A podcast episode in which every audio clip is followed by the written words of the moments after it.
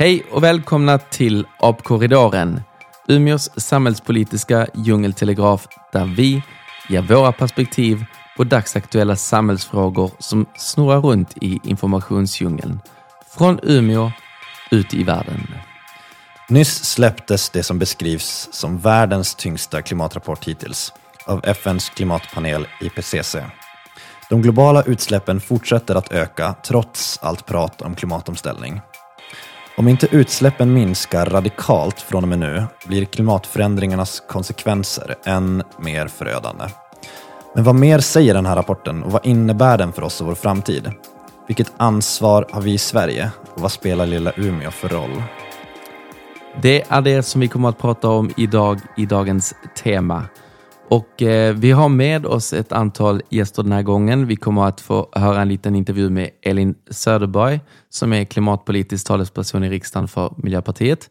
Vi har med oss Mikael Brännström som är hållbarhetschef på kommunen och vi kommer även ha med oss Elin Leijonberg som är då, eh, producenten och gör eh, podden Klimatekot. Så det är en massa matnyttigt som vi har att se fram emot här i dagens eh, tema. Precis, och det om avsnittens intervjuer. Eh, Men innan vi kör igång med dem och lite andra reflektioner Nils, vad tänker du spontant så kring dagens tema klimat? Men jag tänker så här att det, det är ett sånt brett och omfattande ämne som är så otroligt viktigt. Eh, det, jag eh, tycker att det finns, det ligger så mycket rätt i det när man säger det vår tids ödesfråga. Och samtidigt är det så svårt att kunna förklara det här på ett sätt som gör det greppbart för allmänheten.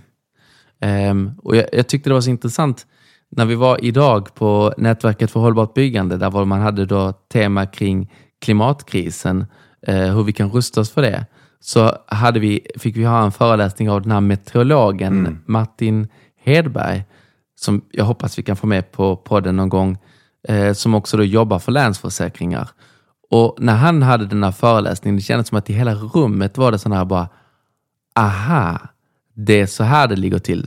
Väldigt skrämmande och samtidigt väldigt ärligt och, och rätt. Va, vad är dina reflektioner, Arvid? Ja, men mina reflektioner är väl att eh, det mesta av det han säger kanske någon har hört någon gång eller i någon form, men han var duktig på att förmedla det på ett annat sätt. Och sen är just det här med klimat, klimatet som tema, klimatförändringar, att det, är så otroligt, det finns så otroligt mycket fakta så att, och det är så lätt att, att man bara glömmer bort och tappar bort viktiga delar av det på vägen när, under tiden som man lär sig.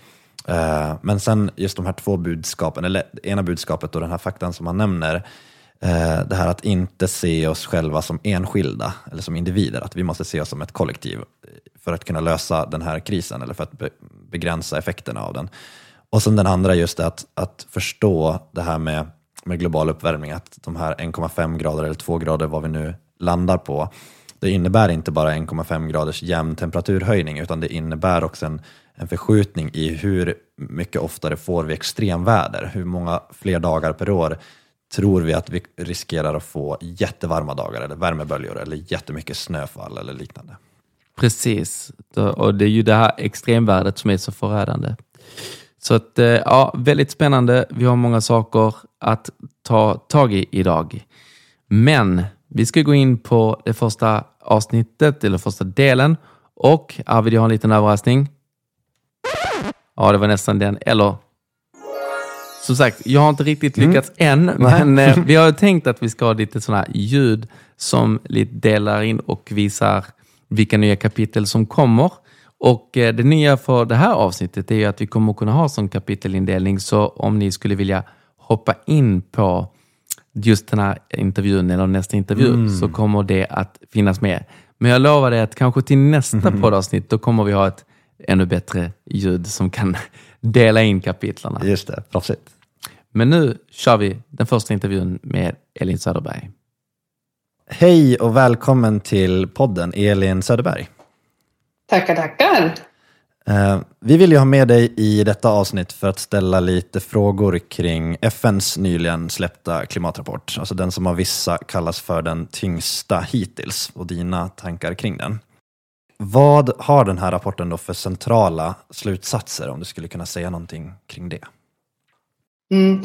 Rapporten eh, trycker väldigt tydligt på behovet av att kraftigt minska växthusgasutsläppen nu i närtid. Man framhåller att vi på global nivå då i princip behöver halvera växthusgasutsläppen till 2030 för att ha ungefär en 50-procentig chans att begränsa den globala uppvärmningen till en och en halv grad. Vad känner du att du är mest oroad över när det kommer till de slutsatser som, som ges? Det gapet mellan vad som görs och vad som krävs. Eh, det framgår att efter Parisavtalet så har vi ett arbete där alla länder eh, säger vilka klimatmål de har och så jobbar man utifrån dem. Mm. Och sen ska det revideras med några års mellanrum att man uppdaterar sina klimatmål. Eh, och de här kallas för NDC, National Determined Contributions, alltså man slår samman alla länders klimatmål. Och det man ser idag är att de mål som finns globalt idag inte levererar eh, alltså att vi klarar Parisavtalet utan om, om länderna når sina mål som man har idag så är vi på väg mot en närmare tre graders global uppvärmning till slutet av seklet. Mm. Man ser också i rapporten att med de policyåtgärder som fanns på plats 2020 så når länderna inte heller sina klimatmål. Det vill säga att man eh, ja, att det blir än värre än om vi når klimatmålen. Eh, det, det påvisar ju behovet av att faktiskt leverera åtgärder och göra verkstad av klimatomställningen. Eh, och sen synliggörs då gapet mellan, eh, mellan målen och vad som krävs för eh, att klara Parisavtalet och begränsa uppvärmningen till mellan en och en halv och två grader. Vilket ansvar har Sverige som land för att mildra de globala konsekvenserna av denna kris enligt dig? Mm. Jag skulle säga att eh, det, det, går ju att ha olika perspektiv på, men jag tänker att det här är ju en global fråga som vi alla, alltså alla aktörer tillsammans påverkar den globala helheten eller summan. Och där har då olika aktörer mandat att påverka olika saker. En kommun har ju till exempel planmonopol och kan då kraftigt påverka liksom hur vi, våra mobilitetsmönster, hur vi rör oss och transporterar oss i en stad. Eh, regioner har kollektivtrafik och eh, all offentlig sektor är stora upphandlare industri och näringsliv har ju stort mandat att påverka den egna verksamhetens utsläpp och de utsläpp från det man köper in eh, och från de produkter man producerar, vad de ger i drift. Eh, och nationella stater som Sverige har ju ett en otroligt mandat att påverka eh, utvecklingen när det gäller växthusgasutsläpp i det egna landet. Men också från vår export och import och så vidare. Mm. Mm. Det är helt centralt att Sverige också arbetar för ett starkt klimatarbete i EU och också ligger på andra länder i internationella förhandlingar. Och det har vi jobbat väldigt starkt med från Miljöpartiets sida när vi satt i regering. Eh, där har ju eh, våra ministrar ofta fått förtroende att leda internationella förhandlingar eh, för att eh, få stora framsteg för att vi har haft hög legitimitet i de här frågorna. Mm, precis, och det kan vara värt att, att nämna då att vi har ju faktiskt ett EU-val som kommer upp nästa år, va? 2024. Men, eh, och det är ju lite grann om EU också, men vad, hur tycker du att Sverige och den svenska politiken idag lever upp till det som krävs för att undvika det som rapporten varnar för och de utsläppsminskningar som krävs? Den sittande regeringen har nu med Moderaterna, Kristdemokraterna och Liberalerna har ju eh, hittills åtminstone eh, upprätthållit en del av de stödsystem som vi införde från Miljöpartiets sida när vi satt i regering, som Industriklivet, Klimatklivet och gröna kreditgarantier. Men inom andra områden har man kraftfullt backat på klimatpolitiken, inte minst då de åtgärder som syftar till att eh, minska transportsektorns utsläpp. Eh, så att på punkt efter mm. punkt har man ju då genomfört reformer som ökar utsläppen av växthusgaser. Och det leder också då till att Sverige inte längre väntas nå våra egna klimatmål till 2030. Och det leder till att vi då inte heller når vårt bindande åtagande rörande EUs klimatmål, vilket kan leda till eh, Eh, väldigt höga kostnader för statsbudgeten när vi inte levererar på vårt bindande EU-mål. Eh, och eller konsekvenser för andra delar av samhället. Och när det, även när det gäller då industrins omställning så är, har ju då industrin verkligen kommit igång och nu vill verkligen snabbt ställa om och se nyttan av att, av att minska utsläppen och ändra, ändra processer och så vidare. Och då efterfrågar man ett antal väldigt konkreta saker från regeringen. Och det är dels en snabb utbyggnad av elproduktion, eh, en stärkt kompetensförsörjning och smidigare tillståndsprocesser. Och på alla de här tre punkterna så levererar inte heller regeringen. Utan man försvårar och fördyrar vindkraftsutbyggnaden, den elproduktion som skulle kunna leverera nu i närtid.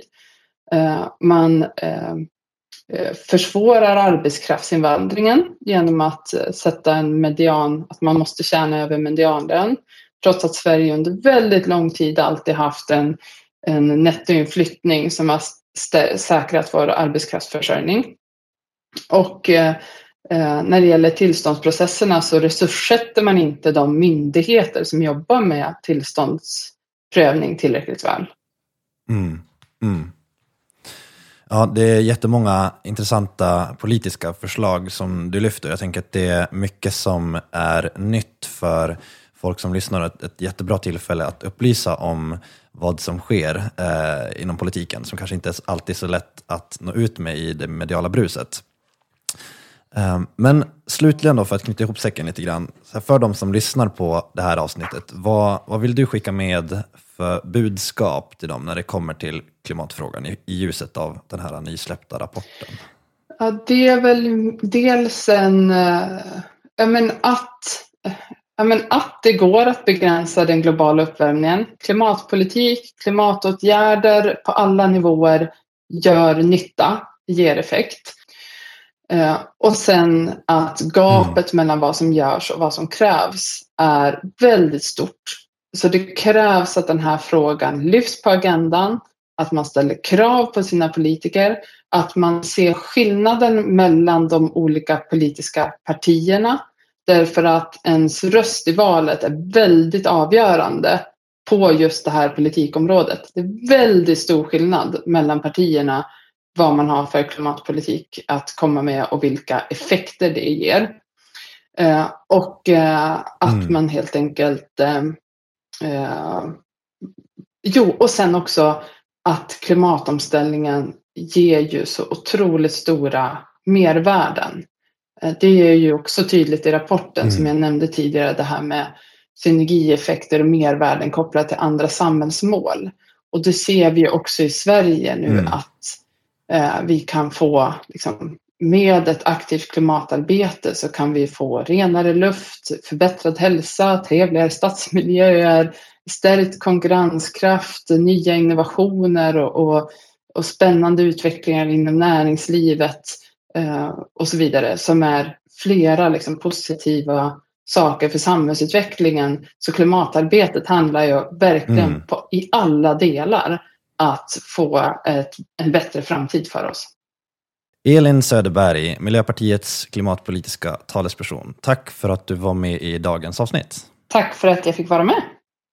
Ja, det här var alltså Elin Söderberg. Otroligt eh, intressant och eh, få höra eh, hennes eh, eh tankar och reflektioner kring IPCC-rapporten. Arvid, vad känner du när du, liksom, var det någonting som du som du fastnar för i intervjun och vad är dina tankar kring det som Elin berättade? Mm. Jo, men det jag fastnar för är väl liksom hur mycket, och rätteligen hon trycker på det, hur oroande eh, det här resultatet är och också pratar mycket om det här glappet mellan vad som eh, behöver göras och vad som faktiskt görs idag. Och att man ofta, jag tänker att man ofta kan bli eh, man får lite falsk trygghet för att man har mål som når upp till eh, men, i Parisavtalet till exempel. Eller att Um, man har ett mål om 1,5 graders uppvärmning. Um, men att i själva verket så ser vi inte alls ut att, att nå det, utan vi siktar snarare på 3 graders uppvärmning, vilket skulle vara en, en katastrof.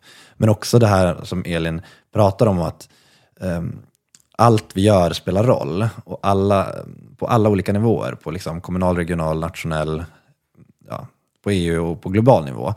Varje tiondels grad spelar roll. Allting vi gör hela tiden har, liksom, är en viktig insats för klimatet.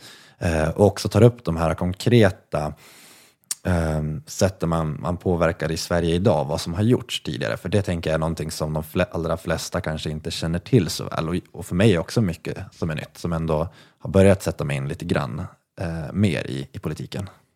Vad tänker du? Ja, men precis, och, och som du sa, liksom att, att det man då såg i PCC-rapporten, att även med alla de mål som alla har satt upp, så liksom är det långt ifrån tillräckligt och då siktar vi in oss, alltså då, då hamnar vi nästan på en tre graders uppvärmning. Eh, så, och det är ju bara där att målen behöver tweakas. Men sen när man också vet hur långt ifrån många gånger vi står från mål till verklig handling, mm. som hur mycket mer som behöver göras. Um, jag tyckte också det var intressant att höra hennes eh, tanke kring, kring vilken roll och vilket ansvar Sverige har. Inte bara för landet och det som är vår klimatomställning, men också i vår roll internationellt och vad vi har haft för roll. Mm. Hur mycket vi ändå har kunnat jobba för att liksom jobba på EU-nivå e och även internationell nivå. Eh, och att man nog inte ska underskatta vår möjlighet att påverka liksom resten av då vår omvärld i det här viktiga arbetet. Mm. Nej, men precis, och som du säger att målen enligt vissa då är inte ens tillräckliga för att, för att med säkerhet eh, hålla sig under 1,5 grader. det handlar om 50 procent sannolikhet. Jag tänker att det är få som skulle acceptera en sån stor risk i något annat sammanhang, men att det är det man har lyckats liksom enas om. Och vissa mm. som också menar att den är den är inte tillräckligt ambitiös, den här, de här målen som finns utifrån att alla länder som är med och tar fram dem, de måste liksom vara överens. Mm. Eh, och att det är det som också är, är, en svårighet i det, helt enkelt. Precis. Och Sen är det en sista aspekt, och vi, vi kommer inte in kunna ta med den nu, men, men det, det är just den här rättviseaspekten. För jag tänker ju på det här många gånger när man nu pratar om Sverige som ett så litet land, eller vad det nu är. Att liksom, eh, och där, där bär jag med mig Greta Thunbergs ord. Just liksom, dels den här jämförelsen med att en svensk har liksom ett klimatavtryck som motsvarar 150 typ personer i Mali. Jag tror det var den siffran ungefär. Uh, och som hon sa, som jag tycker är så rätt, att klimatkrisen är ingen rättvis kris. Att de mm. som drabbas värst av dess konsekvenser är de som gjort allra minst för att orsaka den. Mm. Och, och någonstans så vi har ju kunnat leva ganska väl och fått ett enormt välstånd som har skapats väldigt mycket tack vare att vi kunnat nyttja de här energierna och lett till de utsläppen. Mm. Men vad har vi då för rätt att sitta och trycka och peka fingret mot ett land som nästan inte haft något klimatavtryck och som mm. nu växer eller utvecklas, developing country, mm. och säga att ja, men ni måste dra ner det precis som vi, när vi egentligen har liksom gjort mest för att orsaka konsekvenser. Men precis, också för att de ska ha någon, någon slags rätt till ett välstånd som ens i närheten liknar det vi har. Exakt. Eh, för det är svårt också, man kan, man kan tycka att det är svårt också för oss att, att beskyllas för det våra föräldrar gjorde eller det andra gjorde liksom, tillbaka på liksom, när den industriella revolutionen tog fart eller liksom där på, på 70-80-talet. Mm. Um, så det finns ju flera av de rättvisa aspekterna med i det här. Precis. Precis, och det om Sveriges roll och ansvar för den globala klimatomställning som vi måste göra. Och i början av podden så sa vi att vi skulle fråga oss själva vad Umeå har för roll i denna omställning och denna kris. Och därför har vi som sagt intervjuat Umeå kommuns hållbarhetschef Mikael Brännström. Så här ska ni få lyssna på Nils intervju med honom. Eh, Mikael, den här rapporten som kom nu från, från veckan, eh, i veckan från IPCC, eh, vad, vad tänkte du när du fick eh, se när den presenterades och så? Vad, vad, vad, vad kände du liksom kring den? På ett sätt så kände jag kanske inte någon större chock. För jag tror att den, den dess allvar tror jag ändå har funnits på allas medvetande. Däremot på ett sätt kanske skönt att det är så väldigt tydligt på en global nivå och då från IPCC att man verkligen manifesterar allvaret i klimatomställningen. Att eh, tidigare har det ibland funnits en tendens kanske att man kan liksom dölja sig över lite vaga formuleringar men den här gången så är det verkligen svart på vitt att omställning måste ske och den måste ske nu. Och nu betyder omedelbart. Och det tänker jag är på ett sätt bra när man ska jobba med frågan att det finns en, en global tyngd eh, från till exempel IPCC i en omställning.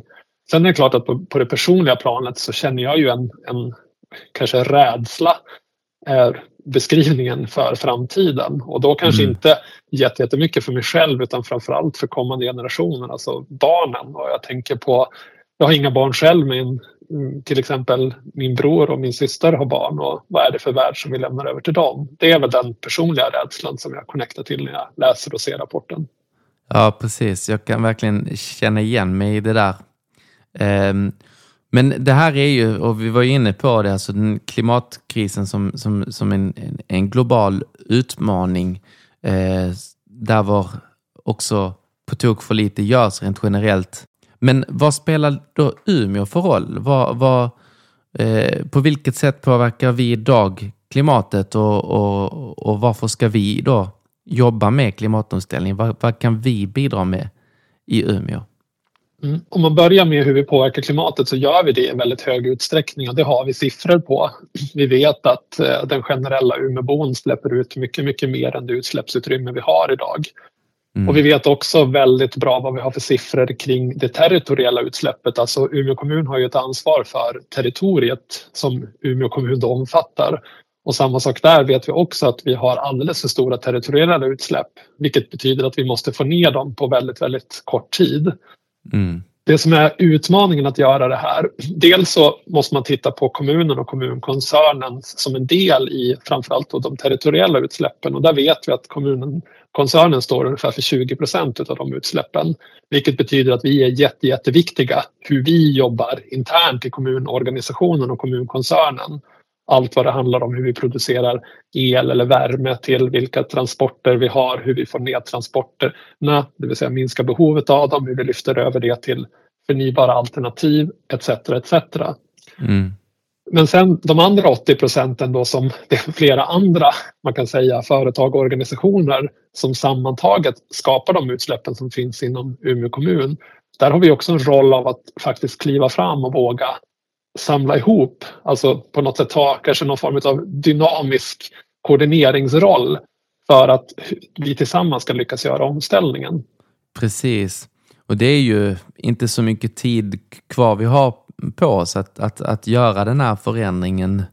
Finns det inte risk att vi, vi är sent ute och så? Att vi, vi missar våra möjligheter att kunna göra omställning i tid och så? Absolut, jag, jag ser de riskerna, de är uppenbara. Mm. Och, och eh, jag tror så här, jag tror att det, det absolut viktigaste det är att vi gör saker och ting nu. Mm. Och att vi samtidigt lär oss. Vi vet till exempel inom Umeå kommun så har ju vi ganska, skulle jag säga, tydliga målsättningar inom klimatområdet. Vi har målsättningar som pratar om ett klimatneutralt Umeå fram till 2040. Vi har målsättningar som inkluderar konsumtionsaspekterna på, på klimatutsläppen både till 2040 och till 2050. Och sen har vi också målsättningar som på en mer detaljerad nivå pratar om klimatneutral kommunkoncern fram till 2025.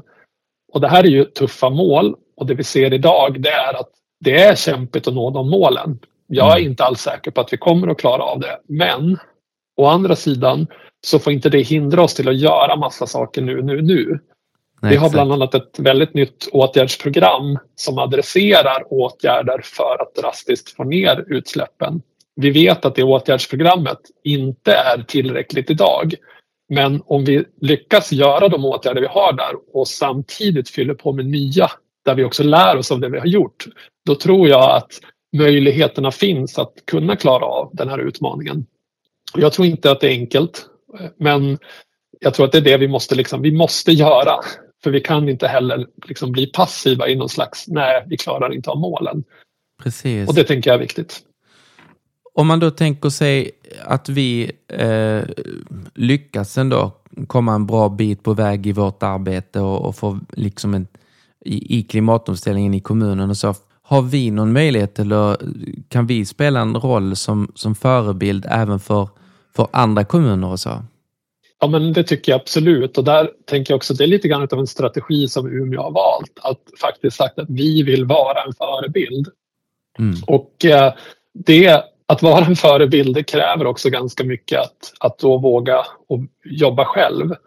Eh, vi är bland annat Umeå kommun är ju utpekad av en av hundra städer i Europa. Det finns en, en Europamission som man brukar prata om som heter 100 klimatneutrala städer och samhällen fram till 2030.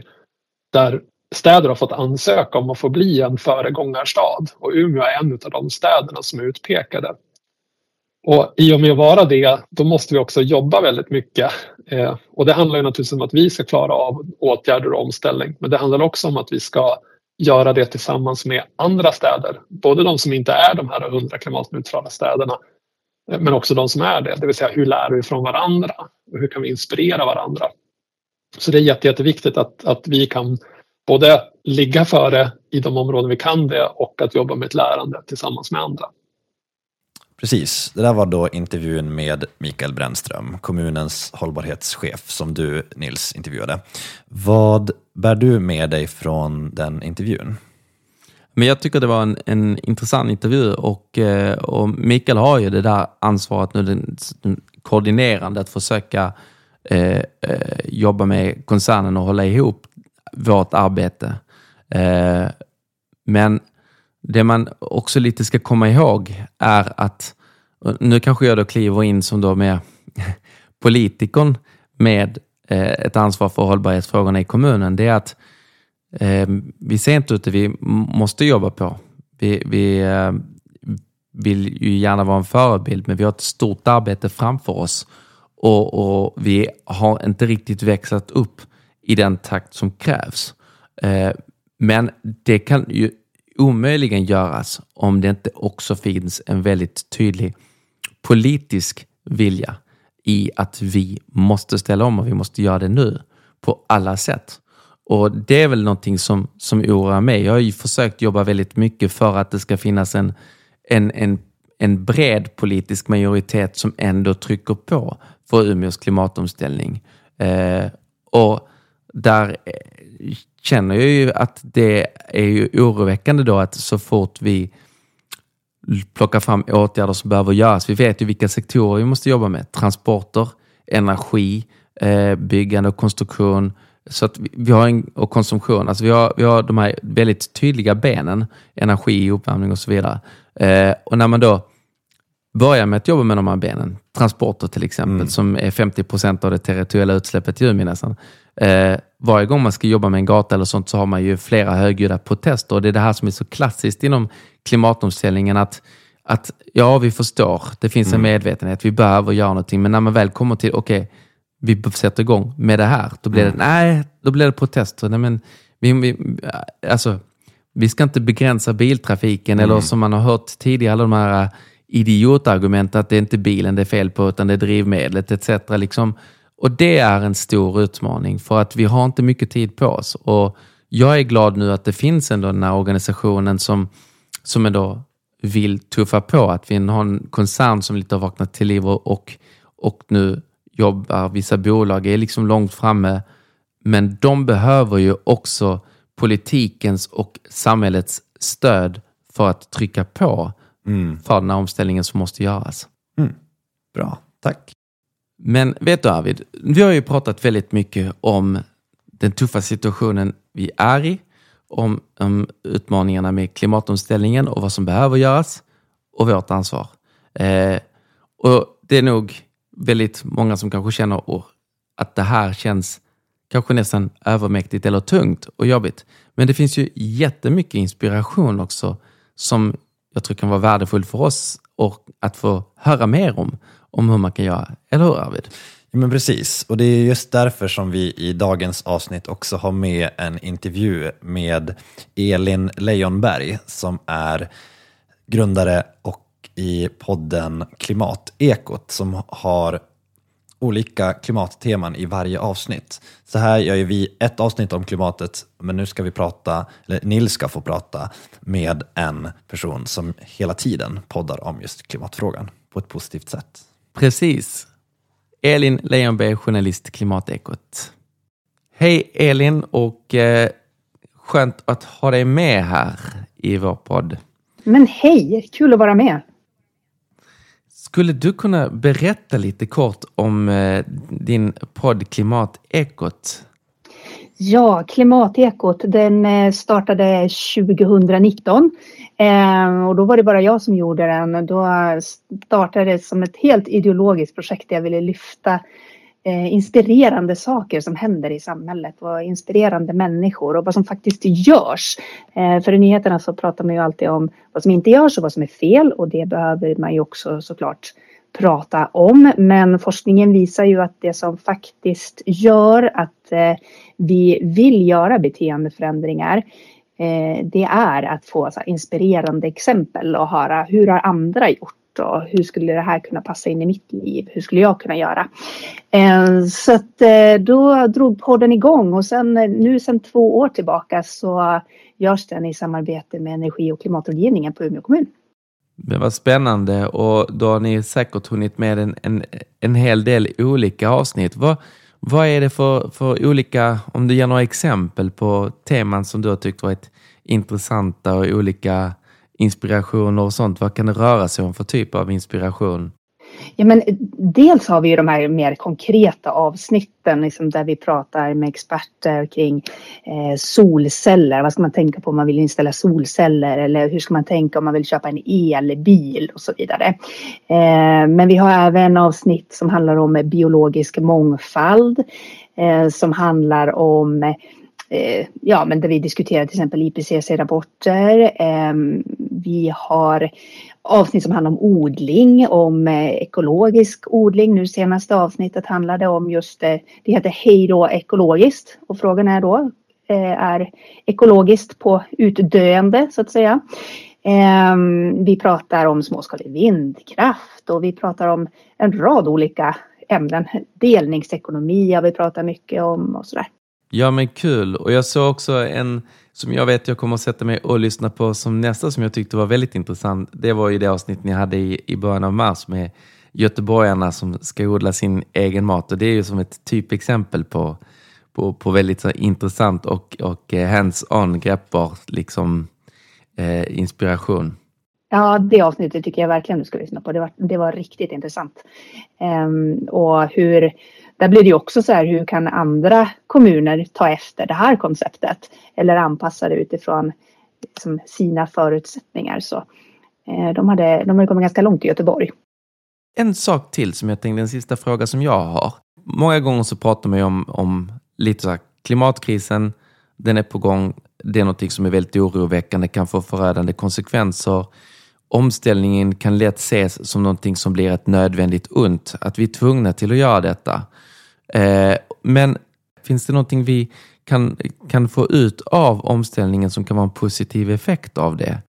Vet du, efter att ha gjort alla de här avsnitten så ser jag faktiskt bara positiva saker. Ehm, det är klart att det är som jobbigt att ställa om, eh, framförallt om man inte brinner för det och vill göra det. Men jag kan ju liksom både ur eget perspektiv och de jag har intervjuat genom åren eh, vittnar ju liksom om hur mycket enklare och bättre livet blir faktiskt genom att ställa om. Eh, hur många fördelar det har på alla plan i livet och hur det liksom hänger ihop. Eh, man gör någonting klimatsmart, ja men det är också positivt mm. för ekonomin. Eh, det är positivt för hälsan. Det är, man skapar ofta mer tid och utrymme i sitt liv och får ett mindre stressigt liv och så här, när man börjar leva mer hållbart. Eh, och likadant eh, de företagare jag träffar som eh, är i processen att ställa om eller har kommit ganska långt. De vittnar också på det med affärsnyttan i att ha ställt om. Eh, att det påverkar även ekonomin liksom, i positiv riktning och sådär och att man blir ett hållbart företag som faktiskt är konkurrenskraftigt framgent. Eh, så jag ser verkligen bara fördelar i det. Jag tror att det kommer att, att bli ett bra samhälle om vi lyckas ställa om. Liksom och lyckas få med utmaningen ligger väl i att eh, eh, skapa den här, alltså att nå den här kritiska massan liksom så att det tippar över så att vi faktiskt får en omställning och det ganska snart. Det här var alltså Elin Leijonberg från Klimatekot. Eh, väldigt intressant podd, rekommenderar jag verkligen att gå in och kolla på den. Eh, Arvid, vad känner du när du hörde Elin och den intervjun? Men jag hörde väl eh, bara en person som verkligen brinner för det här ämnet och jag tycker att det är så himla viktigt att det är någon som lyfter den liksom, konsekvent eh, och pratar om den att jag är glad att den får sån spridning. Eh, och det finns så oerhört mycket att lära sig kopplat till just klimatfrågan. Eh, så att jag är bara glad att, att vi får en chans att prata lite grann om den och ehm, tipsa andra, våra lyssnare att, att gå in och lyssna där. Precis. Och det kändes som skönt att ha den här nu i slutet av det här temat för att där får man ändå sådär lite hands-on. Alltså de, hon har ju många bra intressanta teman som man kan lyssna till men också mycket så konkreta tips och råd. Mm. Och, och, det är mycket det som, som vi behöver. Sen vill jag också bara passa på att lyfta det som jag, jag håller med henne helt i det här med vad man faktiskt också kan få ut av det som en positiv spin-off. Mm. Och Det var också någonting som Elin Söderberg var inne på tidigare eh, kring, kring vad vi faktiskt också kan vinna på att få ut av den här omställningen som måste göras. Så att eh, intressant. Yes, Arvid. Det var dagens tema. Precis. Apkorridoren är slut för idag. Tack för att du lyssnat. Skriv gärna till oss vad du tyckte, ris som ros, tankar och önskemål på kommande teman. Du kan även följa oss på vår Facebook-sida där du får senaste nytt från oss och där nya avsnitt delas. I nästa avsnitt ska vi prata om kärnkraft. En viktig lösning för klimatkrisen eller en dyr miljö och säkerhetsrisk. Frågorna är många, skillnaderna stora mellan vad förespråkare och motståndare hävdar i frågan. Vad gäller kring kärnkraften egentligen och varför minskar kärnkraft kraftigt i Europa när det fossila elbehovet ökar? Det ska vi prata om nästa gång. Vi hörs.